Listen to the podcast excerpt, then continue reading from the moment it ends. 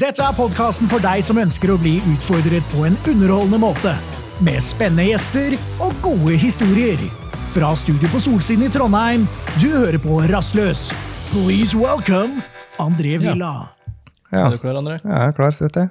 Ja. Ja, kjøres da. Ja, vær så god. Episode 250. Ja, men- Ja. Har du, eh, har du problemer med økonomien din, eh, Marius? Men man skal gi seg i øynene nå. Ja, jeg prøver å øke inntektene, ja, så det er jo et problem. Ja. Absolutt. Vi skal prate om eh, økonomi i dag. Mm. Eh, og oss eh, har med oss eh, Arman Vesta her. For de som ikke fikk med seg første episode med Herman Herman! Oi! Det går bra. Ja, den, den fikk ikke jeg med meg. faktisk. Se episode syv, bare. Det er mange forskjellige navn, da. Ja. Ok. Eh, For dem som kjørte forrige episode med Arman Vesta, så fikk oss hørt om den utrolige historien der han klarte å snu livet fra en fengselsfugl til å bli en nasjonal prosjektleder i personlig økonomi for Nav. Eh, Og i dag skal vi prate med han på nytt, der han tar på seg hatten som økonomisk rådgiver. Arman, du, kan, kan du forklare oss hva du jobber med i Nav? Ja, eh, det var ikke akkurat hugget i stein at jeg skulle begynne å jobbe med økonomi i Nav. Um, for når jeg søkte på jobben som gjeldsrådgiver i Nav, så hadde jeg jo faktisk to millioner i gjeld.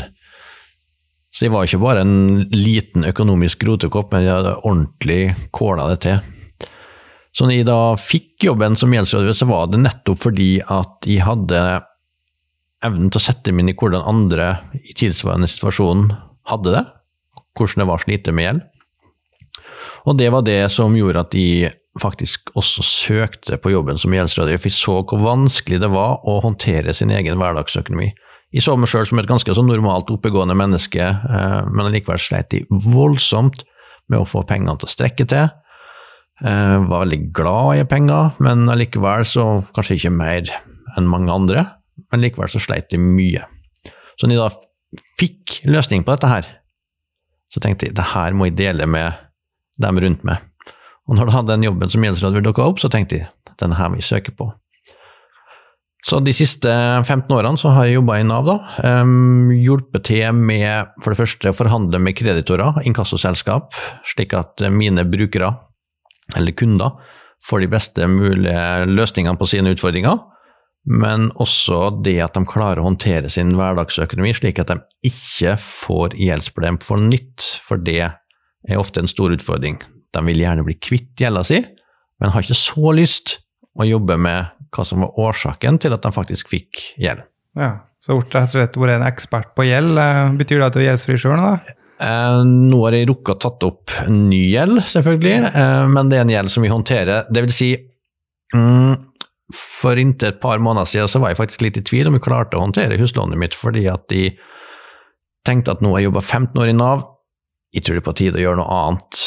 Eh, og jeg jobba som foredragsholder ved siden av Nav-jobben min, som gikk veldig bra. Sånn at 1.2 så sa jeg opp jobben min i Nav, og satsa 100 på foredragsholderbiten, og hadde Bra masse timing. oppdrag. Hørtes ut som en bra timing. Forferdelig dårlig timing, takk som spør. Det var elendig, for det var jo bare et kvarter etterpå, eller to måneder, så var alle oppdragene mine borte. Og jeg måtte søke om permitteringspenger fra Nav. Det var en ganske rar følelse. Så da kjente jeg på nytt følelsen av ubehag, og ikke det å vite om du faktisk fikser økonomien, for det er ingen god følelse. Kom det mye frustrasjon da, eller? Ja, altså jeg, jeg må innrømme at plutselig så var den følelsen som jeg hadde for 15 år siden, tilbake med en gang. sånn. Det var klumpen i magen, um, som en sånn gammel kjærlighetssorg som aldri gikk over. Uh, det var våke tidlig om natta. Det var dårlig samvittighet. Klarer jeg faktisk å supporte familien min nå, som nå hadde jo to barn og kone, liksom? Eh, Og hadde gjeldsrådgiveren gått konkurs, så hadde ikke det vært noe særlig flott overskrift i Adresseavisa. Så eh, det var litt sånn ekkelt. Det var det. jeg ser det. Jeg ser den. Det, um, men, men, men hvis en tenker Det er litt spesiell situasjon. Det er ikke alle som hopper ut i foredragsholding. Um, Men er det noe som er som gjentakende, altså gjentakende trekk for dem som har dårlig økonomi? Ut ifra den erfaringen du har fått gjennom eh, Nav? Ja, det er det. Um, og jeg har vært veldig opptatt av akkurat de her trekkene som du snakker om. Da. Hva er det som gjør at folk faktisk går i, i gjeldsfella, om vi skal si noe sånt? Vi snakker jo nå om de gjelder som de ikke klarer å håndtere. da. Uh, og mange er nok um, Mange tror at de skal klare å rydde opp sjøl. Uh, mange vil ikke gå på Nav. Uh, mange veit ikke at Nav har gjeldsrådgivning og kan noe om det. For det lovmessige ansvaret, bare så det er sagt, lovmessige ansvaret det ligger til Nav. Nav skal gi alle innbyggerne i Norge økonomisk råd og veiledning. Det ligger helt bånn fast. Men det er det ikke vanlig at folk vet. Men de som da får vite om det, de vil likevel ikke gå til Nav. For gjeldsproblematikk er så skambelagt. Vi skal i alle fall ikke stifte noen gjeld. Hvis vi gjør det, så skal vi klare å rydde opp sjøl. Og det har jeg sett at folk kommer så seint at de allerede har fått massevis av problem. Da har de Um, brutt mange betalingsavtaler, f.eks. med Lindorf. De har løyet til kona si, kanskje. De har kanskje begynt å drukke litt. Uh, de har krangla med ungene, uh, og så får du dårlig samvittighet fordi at du vet at du ikke skulle hatt så kort lunte. Uh, sånn at ting baller på seg til slutt, så kanskje du mister jobben, da, og så kommer du på Nav og ber om hjelp. Og så sier vi, eller Vi jobba i Nav før, så, det var, her er det en forskjellighet. Det Nav, vi, Dem i Nav sier da, tror jeg, at hvorfor kom du ikke før? For da har vi kunnet hjulpet til mye, mye bedre. Og det er et kjennetegn. Altså, Ja. Kommer for seint, skal ordne opp sjøl, og har mye skam knytta til dette. her. Ok, La oss bruke fantasien her nå, så lage oss en fiktiv person. Um, la oss kalle han Tom, f.eks. Og, og Tom står på bar bakke eh, økonomisk, og kanskje med en del gjeld. Eh, egentlig på samme måte som, som det, Arman, når du kom ut av fengselet. Ehm, hvis du skal rådgi inn Tom da, å komme i arbeid og få orden på økonomien sin, eh, hva skal vi fortelle Tom? Ja, det viktigste er i alle fall at han har en plass å bo. Det er vanskelig å få orden på, på livet uten å ha en plass å bo, så det, den må ligge i bånn. Og så er det dette her med å få arbeid. Det er de to viktigste områdene, tenker jeg. Bolig og jobb. Um, men så er dette her med, med gjeld. Og det er ikke alltid størrelsen på inntekta som er avgjørende for om det går bra eller dårlig. Men jeg har møtt mange mennesker som har høy inntekt, men som eh, roter bort alle pengene sine. Og så har jeg møtt mange som har lav inntekt, men som har stålkontroll. Så det som er viktig å snakke med denne personen om, er å avdekke hva er det han kan om penger? Hvordan skal han klare å få hverdagsøkonomien sin til å gå rundt? Um, for det er viktig at han har en følelse av at han har kontroll og mestrer økonomien sin. For klarer han ikke å mestre økonomien, så vil han fortsette å ta dårlige valg. Hvilken metode bruker du da? Altså sett, liksom, Skriver du ned alle utgiftene? og Det er sikkert noen konkrete metoder du bruker der? Ja, han, eh, han eh, Igjen så er det tilbake til vaner, da. Han, han eh, Det første er at ok, hva er det vi har behov for her i livet? Og da er det jo da ok, vi må ha en strømavtale, vi må ha en bankavtale, vi må ha forsikringer. En del sånne standard faste utgifter. Og så er det om å gjøre å få de rimeligst mulig. Og her er det mye å spare for folk flest. Eh, Det spiller jo ingen rolle egentlig hvor strømmen din kommer fra. Om det er fra Trønder Energi eller fra Hafslund. Strømmen er like varm uansett. Du klarer ikke å merke noen forskjell på det. Så det å få folk til å ta en del valg helt i starten av en sånn økonomisk opprydningsprosess, og deretter gjøre mest mulig automatisert. Slik at du slipper å ta bestemmelser hver eneste dag, for det er så lett å ta de gærne beslutningene. Ja, for det er en gjenganger sikkert at uh, kommer regninger i posten som ikke blir betalt, så beller det på seg, så går det inn til inkasso. Ja, det er en gjenganger. Så det jeg sier til alle som kommer som har hatt utfordringer med både hverdagsøkonomi og gjeld, er at de lagde en regningskonto og lagde en brukskonto. Altså få inntekter inn på den ene, gjerne på regningskontoen, og så lager du en oversikt over dine faste utgifter. Husleia var 9000, Eh, strømmen var 1000, forsikringa 500 osv. osv.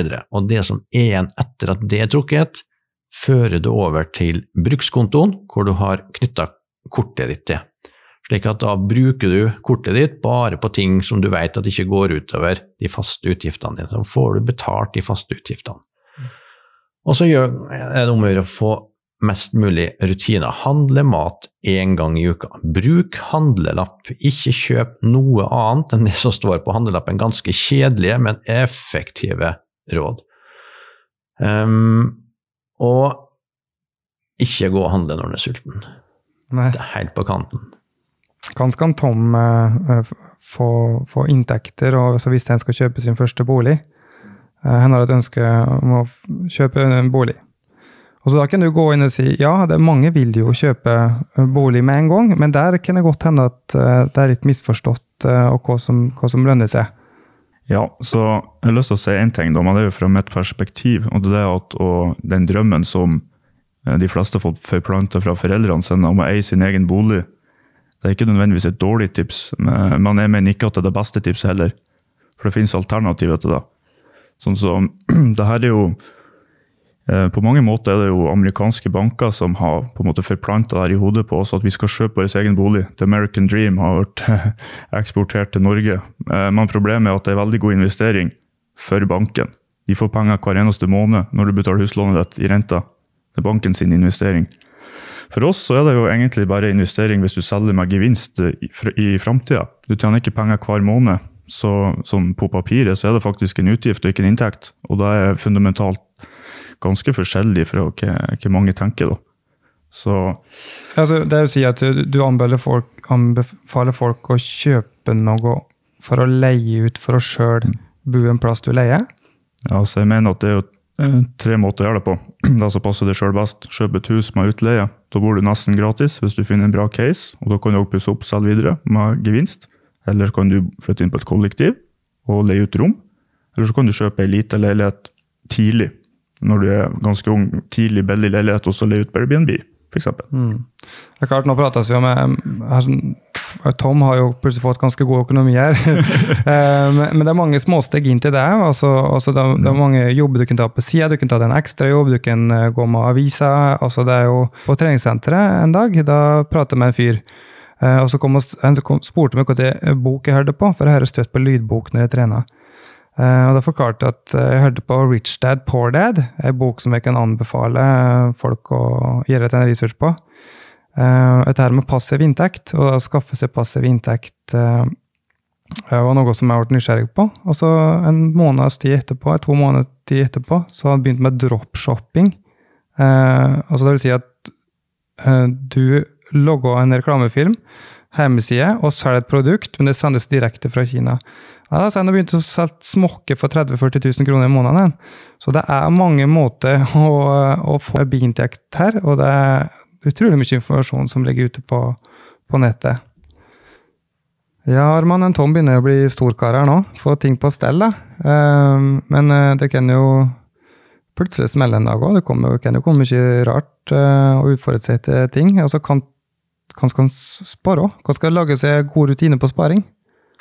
Ja, altså han kan, han kan jo oppleve en ny korona eller en noe tilsvarende som gjør at han kanskje mister jobben eller får en veldig usikker situasjon, at det blir noe samlivsbrudd, for kanskje han har gifta seg her òg, fått noen barn. Så i alle hovedsak så tenker jeg at han må prøve å spare til alderdommen. Veldig kjedelig, men veldig nødvendig også, fordi at vi vet jo aldri hva han får når han blir pensjonist. Eh, Så det å spare noen tusenlapper hver måned, hvis han har mulighet til det, er fint. Men i forhold til hverdagssparinga, så tror jeg at mange glemmer egentlig hvor viktig det er å ha en buffer på konto. Det da også eh, ja, tenke seg at en skal ha to månedslønner, én til to månedslønner på konto, for å ha i krisehåndtering hvis noe skulle skje. Det kan være at vaskepersonen ryker, det kan være at familieforholdet er så innmari dårlig for tida at en sydentur faktisk er på sin plass, men du kan ikke bruke kredittkortet til det. Men har du spart opp, så er det faktisk mulig å kanskje redde forholdet. Få bedre forhold til barna dine, kanskje, eller du trenger ikke dra til Syden for å få til det, men du skjønner poenget.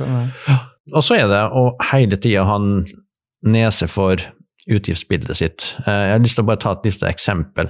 Jeg regna ut sjøl. Um, vi har alle sånne små lommetyver, um, og en caffè latte, hvis den koster 50 kroner, en dobbel latte Hvis du drikker én sånn hver dag gjennom et helt år, så er det 18 200 kroner. Og det er da etter skatt, selvfølgelig. Så det er jo for mange nesten én månedslønn i latte i løpet av det året. Ja, det er helt vilt faktisk når du begynner å bryte ned økonomien din. Eh, jeg har gjort det sjøl, faktisk, for artig. Um, og du kan bli ganske sjokkert. Um, Ja, du snuser jo. ja, så her er jeg jo- trenger ikke prate om hvor mye det koster. Det er nesten ingen som tør å regne på hva røyk og snus koster. Ja, nei, fordi det er bare så dårlig regnestykke. Ja, det er det. Men du, eh, Tom. Faen, Tommy drar på nå, altså. Begynner å bli jævlig Begynner å opp og nikke, vet du. Og, eh, men nå har han lyst på litt salt i maten. Eh, nå vil han ha litt eh, ekstra. Og eh, kanskje få god nok økonomi til å stifte familie. Um, ha litt til overs til å investere med. Eh, hva ville du ville gjort der, Marius? Så jeg kan jo komme med et tips i forhold til hvordan jeg gjorde det sjøl. Og det er jo på en måte en litt aktiv investering, for da får du mye raskere avkastning enn la oss si et SP 500-fond. Det har jo over tid hatt veldig god, veldig god avkastning, dvs. Si kanskje rundt 8-12% i året. Det er veldig bra. Men hvis du skal være enda litt mer aktiv, så kan du jo begynne med ja, biinntekter, sånn som jeg begynte å importere massasjestoler. Og det var på en måte den raskeste, beste tipset jeg kan gi. da. Kjøp et eller annet som er veldig billig i utlandet, selg i Norge. Det er veldig enkelt. Det er bare å få det hit og selge det. Og da er det er ikke så nøye hvor mye man tjener per stykk, men da er det, det er veldig rett fram. Eller at man finner Det er jo egentlig enten en sidebusiness en eller annen ting, sidejobb, eller så er det jo eh, og, og så rett og slett investere i fond. Men, men det, det er en ting med fond, ja. Det er interessant, for at det, det er en del folk som ikke skjønner dette med compound interest. Jeg vet ikke hva det heter på norsk, egentlig. Men Renters rente-prinsippet. Uh, den syns jeg at du skal prøve å få fram. Uh, okay. Forklar litt om det. Så ok, nå skal jeg prøve å forklare, forklare uten å tenke over det. Men altså, renters rente det er sånn som ligger i ordet at hvis du har et beløp, la oss si 1000 kroner, som er investert, og du har da et fond, da får du renta på det beløpet. Hvis du får 8% renta, så har du jo tjent 8 Men eh, hvis du ikke tar de pengene ut, så får du 8% på 108. Så får du et nytt beløp. Så får du renta flere ganger på rad. Så hvis man lager en slags graf på det, så vil man se at du har en veldig uproporsjonal eh, du har en veldig uproporsjonalt svar, da, kan du si. Det går veldig fort, det går veldig sakte fra 1000 til la oss si 2000. Etter hvert som tida går. Etter hvert så går det enda, enda fortere. Ja. Så du får en veldig bratt kurve på, på den tusenlappen etter hvert. Og er du ikke noen slik person som orker å sette deg inn i aksjemarkedet, eller stoler på deg sjøl at du vet nok om det, så er jo da fond faktisk en eh, fin sparemåte. Og, eh, jeg kjører jo vel barnetrygd til sønnen min inn i fond. Og det går grådige minus akkurat nå om dagen. det går bra utenom. Men det, det finnes jo en del folk her som ikke vet hva et SP500-fond er. Det du nevner. Ja, jeg glemte å si også. Det er kanskje lurt å SP500, forklare. Ja. SP500 det er jo på en måte en, en samling etter de 500 største bedriftene. Og det, det finnes jo forskjellige sånne typer. Det finnes eh, sånne i USA eller i Norge. De største Det er en kombinasjon. Et fond som eier aksjer i de største selskapene. På Oslo Børs eller Nasdaq eller forskjellige børser. Spa, sparer du nå i fond? Har du Har gjort det i perioder, ja. Men nå har jeg betalt ned litt på gjeld, og så har jeg lagt meg opp litt til at jeg skulle starte for meg sjøl. Ja, og det er akkurat det som er. At uh, til tider så passer det ikke, passer ikke støtt. Spesielt når du skal inn og kjøpe bolig. Er det kort tid eh, før du skal kjøpe bolig, så burde du kanskje vente med den fondssparingen. Men hos, du har jo hatt en god inntekt gjennom årene med ditt yrke, André. Og har du alltid tenkt sånn, eller har eh, smaken på jetset-livet vært litt høy? Maserati og Jo, det har jo vært Jeg har jo hatt min del eh, av moroa, jeg òg. Jeg er glad i bil, da, vet du. Så Ja. Nei, jeg har vært Maserati GTS-er og Nissan GTR-er og slike ting som, som jeg syns var artig. eh, Og jeg har jo ikke førerkort på motorsykkel, så på veien så kjører jeg bil. Um, men jeg tror egentlig Og de, dealene, de kjøp og salg jeg har gjort på de bilene, har vært bra, så jeg har vært ganske fornuftig, altså. Uh, skjønt meg bort mye på mat. Uh, glad i mat og har ikke noen begrensninger der. og Spiser mye ute. Uh, jeg, er kanskje det enda. Uh, men jeg, jeg har prøvd å lagt skillingen i eiendom mest. Og har driver utleie til studenter i Trondheim. da. Um, og ja, seks enheter eller et eller annet. Nå, da. Jeg syns det er ganske stilig, den uh, forklaringa di der, da, at uh, du har jo ikke førerkort til motorsykkel. Så i stedet for å ta førerkorta, så, så er det likere å kjøpe en Maserati. Det er jo Ja, men du vet det, det er livsfarlig å kjøre motorsykkel på veien, føler jeg. For det, ja. Men ja. det Nei, det er for alle. For jo, det er nok det òg. Men, men, tenk på det, du setter inn i en bil med stålbjølke, i inn og airbag og setebelte, og så kunne du sette deg på en R-sykkel i shorts og flipflops og kjøre 300 km i timen. Uh, du kan komme rundt en sving og det er litt grus på veien, eller kan være en idiot som ikke holder høyreregelen sin, og så er du ferdig, liksom. da. Så det er jo en av grunnene til det. Um, og, og, så var det jo at jeg hadde jo en liten drøm om å uh, begynne Jeg testkjørte jo uh, for EM-crosser i rally, men det teamet ble plutselig borte. Uh, så jeg kjøpte jo den Nissan GT-en egentlig for å trene da, til rally. Så jeg hadde på meg crosshjelm og så kjørte om natta over fjellvei i Spania ikke trygt i det hele tatt. Så jeg fikk rushet mitt på fire hjul på veien. Det hørtes absolutt mye tryggere ut enn å kjøpe seg motorsykkel. for å kjøre, det her minner veldig om rasjonalisering. Ja. Du har kjøpt en bil til en million, så tenker du mm, det her er en kjempegod investering, for jeg skal kanskje begynne med cross. ja, Bilcross. Ja. ja, så går faktisk an å hoppe med Nissan GT-en, ja. Ja, I Spania. Ja. Nei, og så har jeg litt i fond og litt aksjer uh, og like ting. Jeg har liksom fått forståelsen for dette her med passiv inntekt. da, mm, altså Make money while you sleep. Og det er jo det utleieleiligheter nå, egentlig. I, I, samme måte som du tar inntekt på utleia, så er det jo en, forhåpentligvis en økning i boligmarkedet. Så ja, det var vel det svaret på det, Stian. Ja. Men ønsker du som Tom å, å, investere hvis du tenker fremover, eller ønsker du å finne en ny ting som genererer en aktiv inntekt? Ønsker du å gå over i å holde masse foredrag som Arman, helt til at uh, koronaen uh, slår inn, skal du si? Eller ønsker du å, å leve neste ti årene på passiv inntekt? Uh, nei, du Det kan jeg ikke neste ti årene. Men hvis den hele tida klarer å ha litt til overs, da, Eh, og kunne da investere med de inn i passiv inntekt.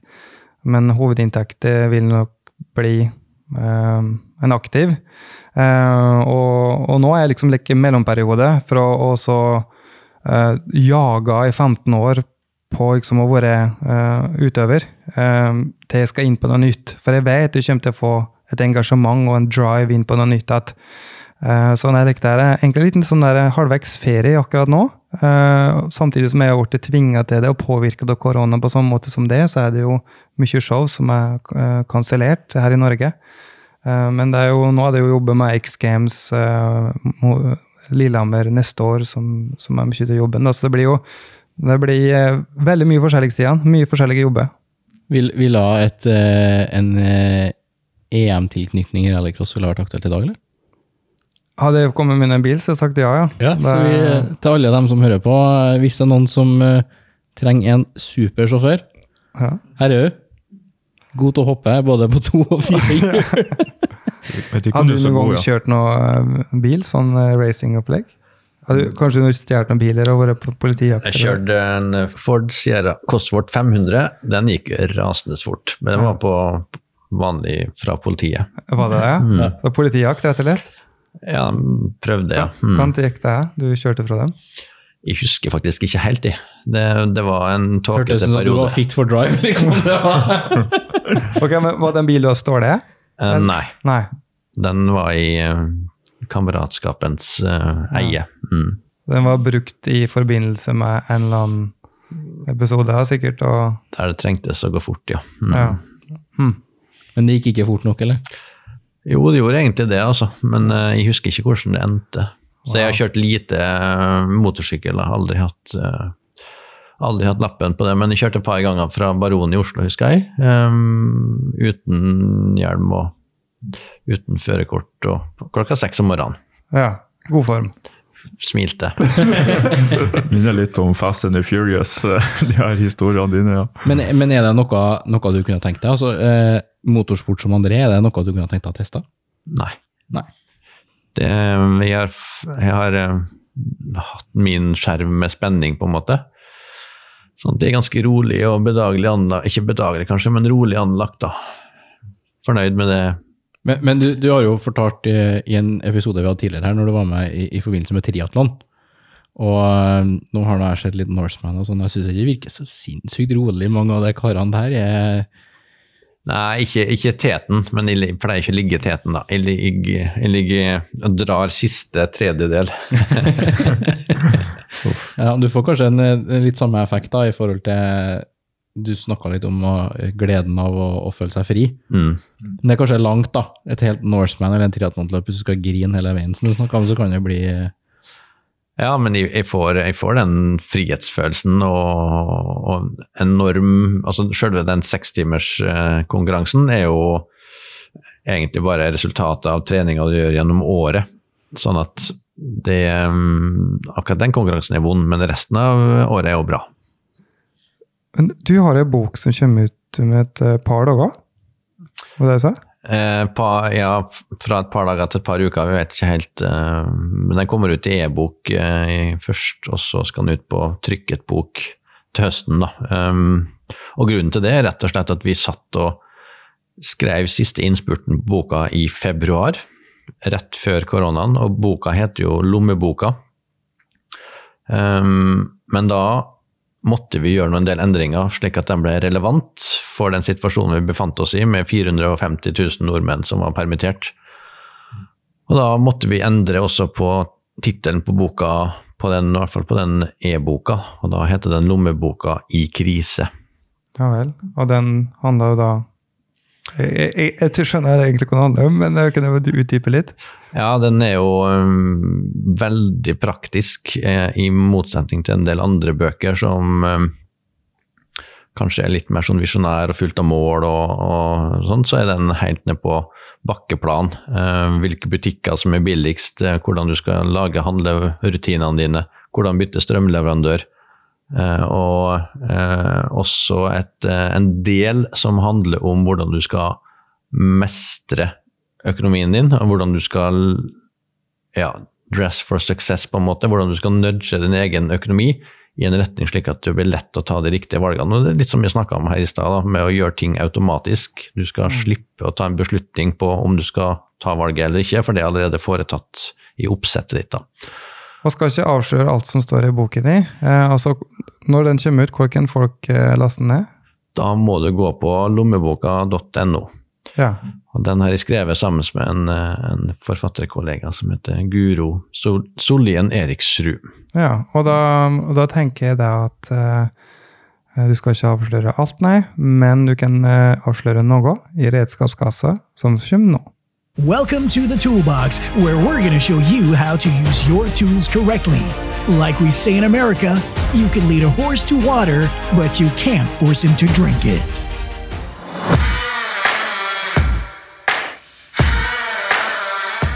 det, det rådet som jeg sjøl har gitt meg nå, det er at de skal begynne å sette av 10 av inntekta mi før jeg betaler noen ting annet til noe andre.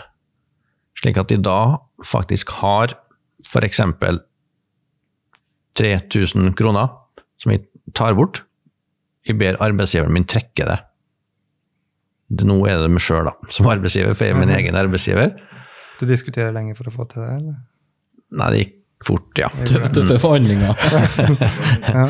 Og så, og så vet jeg at det som er igjen, da, det er det de har til å betale regninger og underholde familien med, tenk på seg. For da er, da er det allerede er borte, de 10 der. Og sånne, Da snakker vi om rentes rente her i stad, og hvis en da begynner å tenke seg en 3000 kroner i måneden, så er det 36 000 i året, og så kan vi bare gjette på hvor mye dette her blir hvis du f.eks. har den 10% i gjennomsnittsavkastning hvis du har satt inn på et indeksfond eller noe annet. Kommer du til å gjøre det her, kommer du på rentekonto? Um, rentekonto. eh, jeg tror nok at jeg kommer til å sette det i et indeksfond. Mm. Mhm. Neste tips det er faktisk å bruke forbrukermakta di.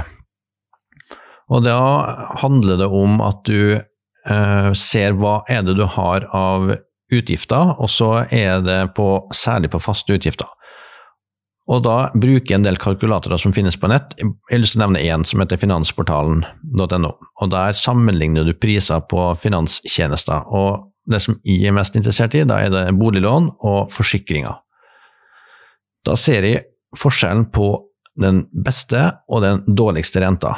Og på et gjennomsnittslån på eh, 2,5 millioner f.eks., så vil eh, forskjellen på renta mellom den billigste og dyreste i løpet av et år utgjør ca. 50 000 kroner.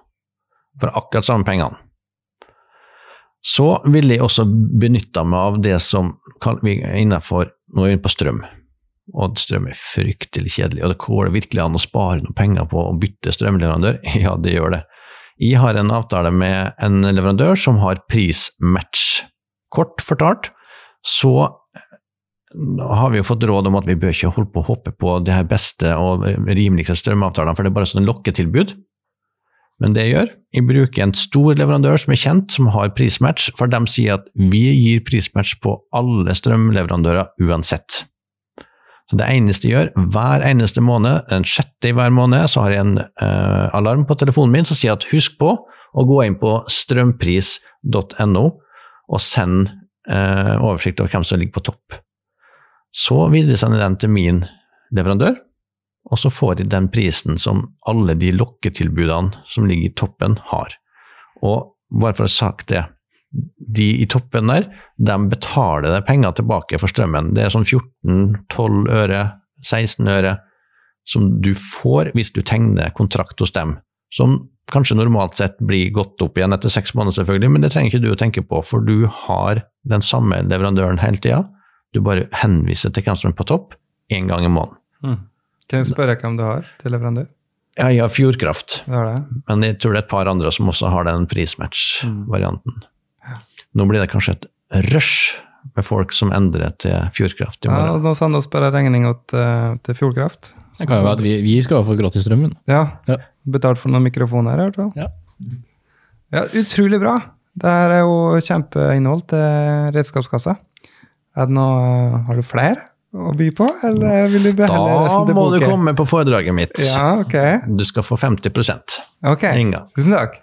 Eh, Har du noe foredrag i, i Trondheim? Eh, Har du, altså nå er det jo vanskelig å si, da. Det er vel kanskje ikke satt noen datoer fram i tid for det pga. koronaen. Nei, det er, det er ikke noen i Trondheim foreløpig, men eh, for dem som har lyst til å sjekke, så har jeg jo en, en side som heter armanv.no, Ja. Eller på Facebook-sida mi. Foredragsholder Arman Vestad.